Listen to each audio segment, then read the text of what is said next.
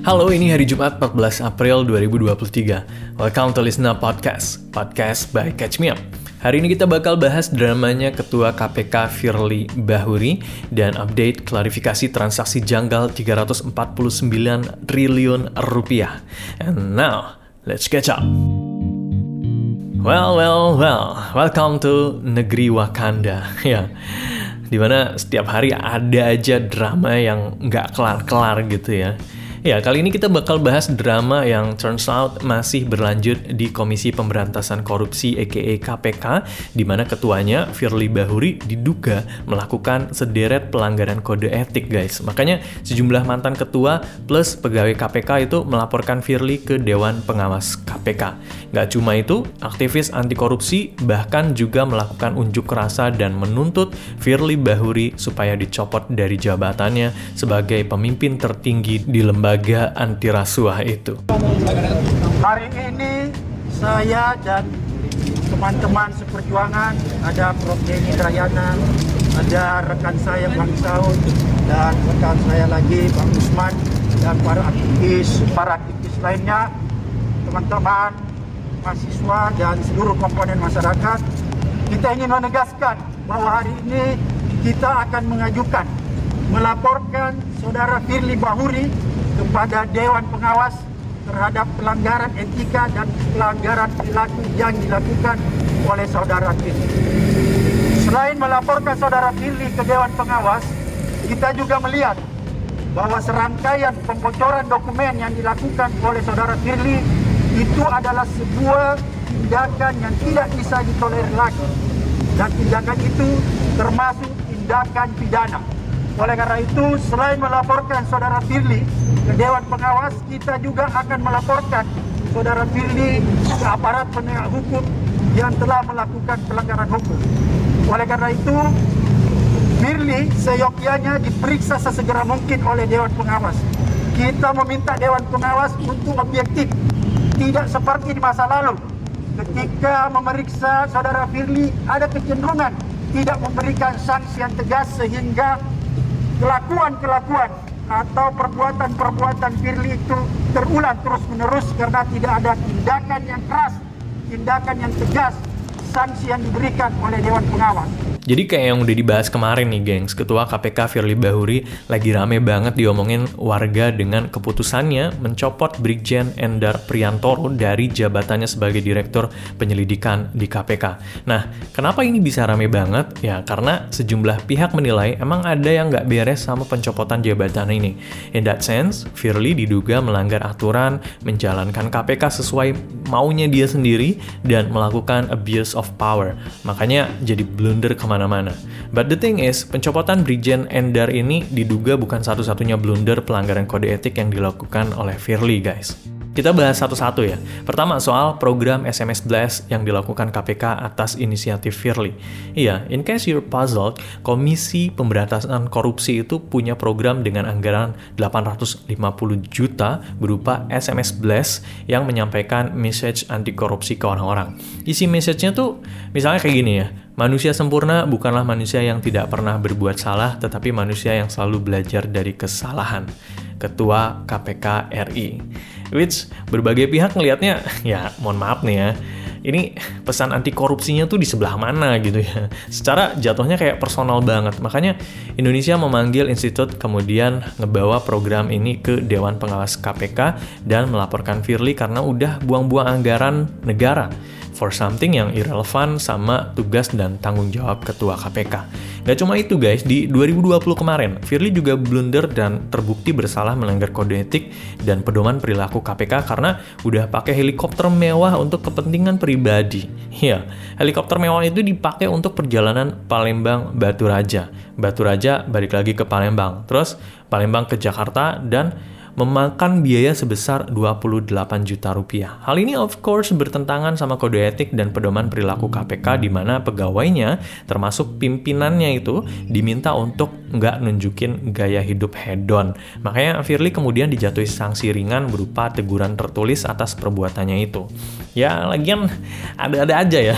Selain itu, Firly juga terbukti bersalah melakukan pelanggaran berat waktu masih menjabat sebagai Deputi Penindakan 2019 lalu. Iya, dia terbukti bersalah karena udah meet up sama ex-gubernur NTB Muhammad Zainul Majdi, aka Tuan Guru Bajang. Gak cuma sekali, tapi dua kali, geng. Padahal waktu itu KPK lagi menyelidiki dugaan korupsi yang melibatkan si Tuan Guru Bajang ini. Firly bahkan diketahui berangkat lagi ke Lombok tanpa surat tugas dan pakai uang pribadi. Well, nggak cuma sama Tuan Guru Bajang, Firly juga diduga emang sering banget ketemuan dan meeting sama orang-orang yang terjerat KPK, mulai dari pejabat BPK, Bahrullah Akbar, hingga pimpinan salah satu partai politik. Semuanya dilakukan tanpa izin, katanya begitu.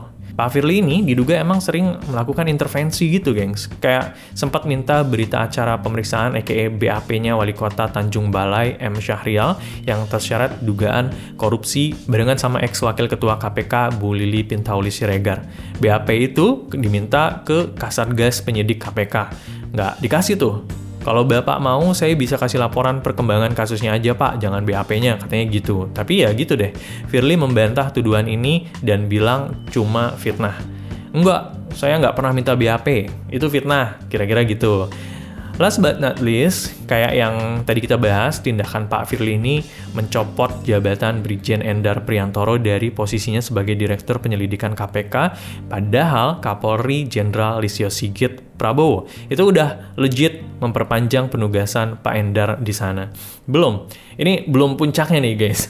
Ketika Pak Firly Bahuri diundang membocorkan dokumen KPK yang super confidential terkait dugaan korupsi izin pertambangan Kementerian ESDM, Ya, gini-gini. Beberapa waktu lalu kan Kementerian Energi dan Sumber Daya Mineral itu heboh terkait dugaan korupsi tunjangan kinerja lingkungan Kementerian ESDM ya. Diproses di KPK, penyidik KPK pun menggeledah kantor Kementerian ESDM, termasuk kantor Direktorat Jenderal Mineral dan Batubara. Nah, di situlah ditemukan beberapa dokumen KPK terkait dugaan korupsi izin pertambangan yang lagi diselidiki KPK dan harusnya nggak boleh bocor ke mana-mana. Nah, tapi ya bocor. ya itu bisa sampai ke mereka ini gimana caranya coba? Coba tebak. Well, karena ketika tim penyidik KPK interogasi orang-orang sana dapat itu dokumen dari sana, mereka itu bilang Pak Menteri dapatnya dari Pak Firly, katanya gitu. Kaget kan orang-orang di situ dan begitu kabarnya beredar sampai ke mantan pimpinan KPK kayak Pak Abraham Samad dan Saud Sitomorang, plus mantan penyidik senior Novel Baswedan, mereka ngamuk dan menganggap tindakan Pak Firly yang ini udah keterlaluan banget. Mereka pun berbondong-bondong langsung melaporkan Pak Firly ke Dewan Pengawas KPK. Adapun laporan ini dibuat biar Firly Bahuri itu nggak semena-mena lagi dan nggak melakukan abuse of power lagi di KPK. In that sense, kudu ada pihak yang jadi kontrol dalam hal ini, which is Dewan Pengawas ini. Dalam keterangannya, Pak Abraham Samad bilangnya gini. Kita juga melihat bahwa serangkaian pembocoran dokumen yang dilakukan oleh saudara Firly itu adalah sebuah tindakan yang tidak bisa ditolerir lagi. Dan tindakan itu termasuk tindakan pidana.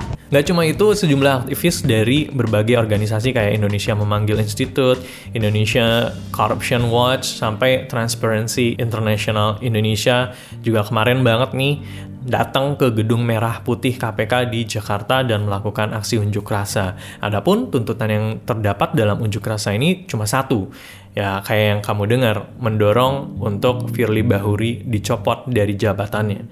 Kenapa harus sampai dicopot? Ya karena apa yang dilakukan Firly Bahuri terkait dugaan pembocoran dokumen itu masuk dalam tindakan pidana.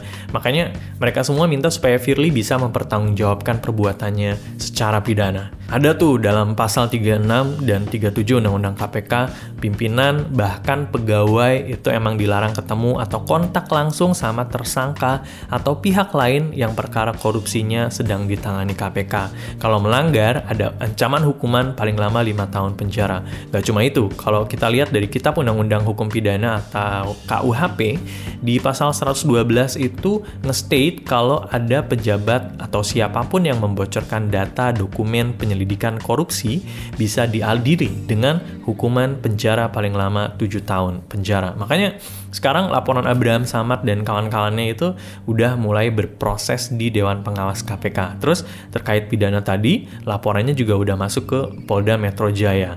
Nggak tanggung-tanggung, selain dugaan kebocoran data tadi, ada lima laporan lain yang sudah masuk ke Polda Metro Jaya yang semuanya menjerat orang-orang KPK. In that sense, disampaikan oleh Kapolda Metro Jaya Irjen Kartoyo yang juga mantan pegawai KPK, bilangnya sekarang lagi ditelaah dulu kasus-kasusnya. Kalau layak masuk penyelidikan, ya diselidiki. Meanwhile, sampai saat ini KPK masih anteng-anteng aja guys. Do whatever you want lah pokoknya. Dewan Pengawas dan Polda Metro Jaya pasti tahu yang terbaik dan melakukan penindakan sesuai SOP serta bersikap independen, nggak ada intervensi dari pihak mana pun. Ketua Dewan Pengawas KPK Tumpak Hatorangan bilang emang sepanjang kepemimpinan Pak Firly, lembaga anti rasuah itu emang on track menjalankan tugasnya dalam pemberantasan korupsi kayak pencegahan, penindakan, operasi tangkap tangan juga cukup sering ya. Cuma yang harus di-highlight adalah the fact that KPK belum bisa mengungkap kasus-kasus besarnya. Kayak kasus-kasus big fish yang sampai triliunan itu belum ada lagi diurus sama KPK dan selama ini mainnya paling mentok korupsi yang kepala daerah atau enggak DPR gitu ya.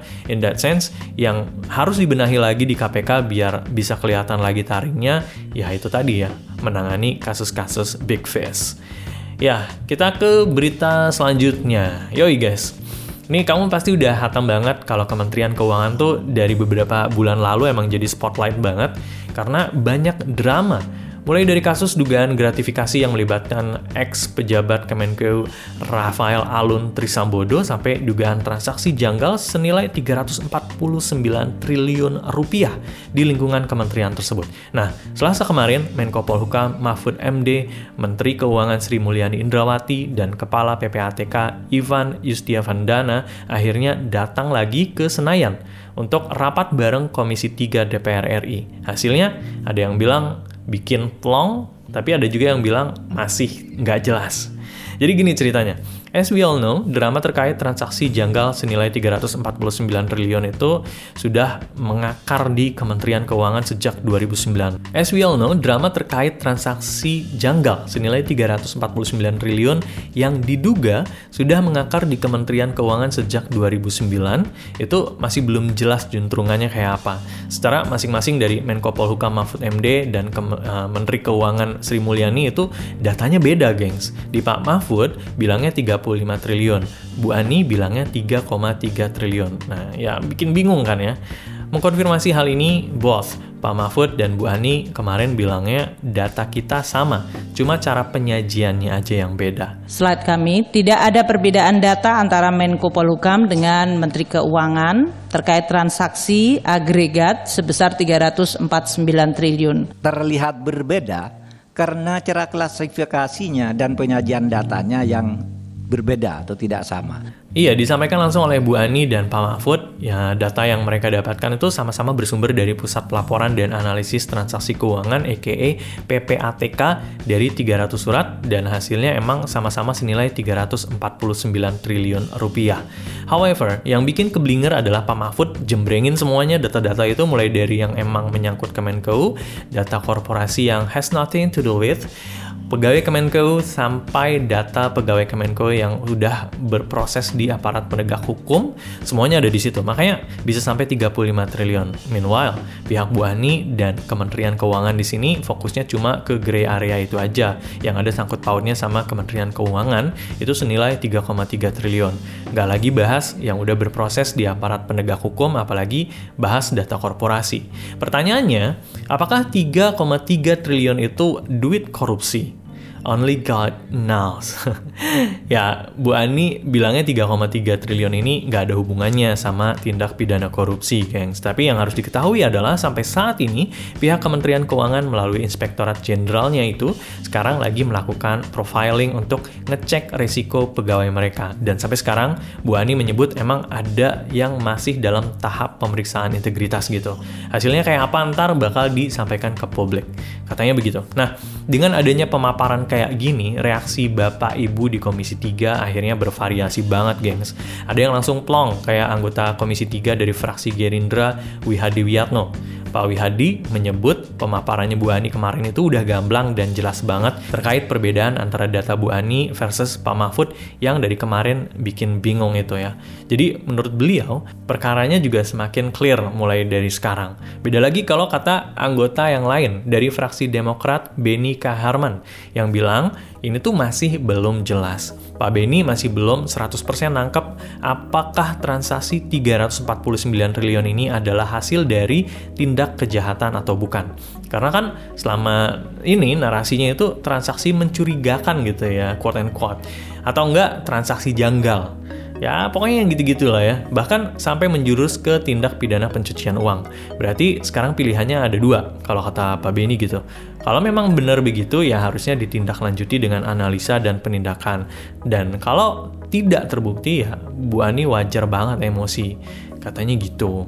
Well, Biar jelas, Pak Mahfud MD selaku Ketua Komite Tindak Pidana Pencucian Uang bilang bakal segera membentuk tim satuan tugas EKE Satgas yang isinya orang-orang PPHTK, Dirjen Pajak, Dirjen Bea Cukai, Kejaksaan Agung, BIN, dan Kemenko Polhukam. Satgas ini sendiri bahkan melakukan supervisi terkait penanganan dan penyelesaian masalah 349 triliun ini pro dan kontra banget nih pembentukan Satgas ini.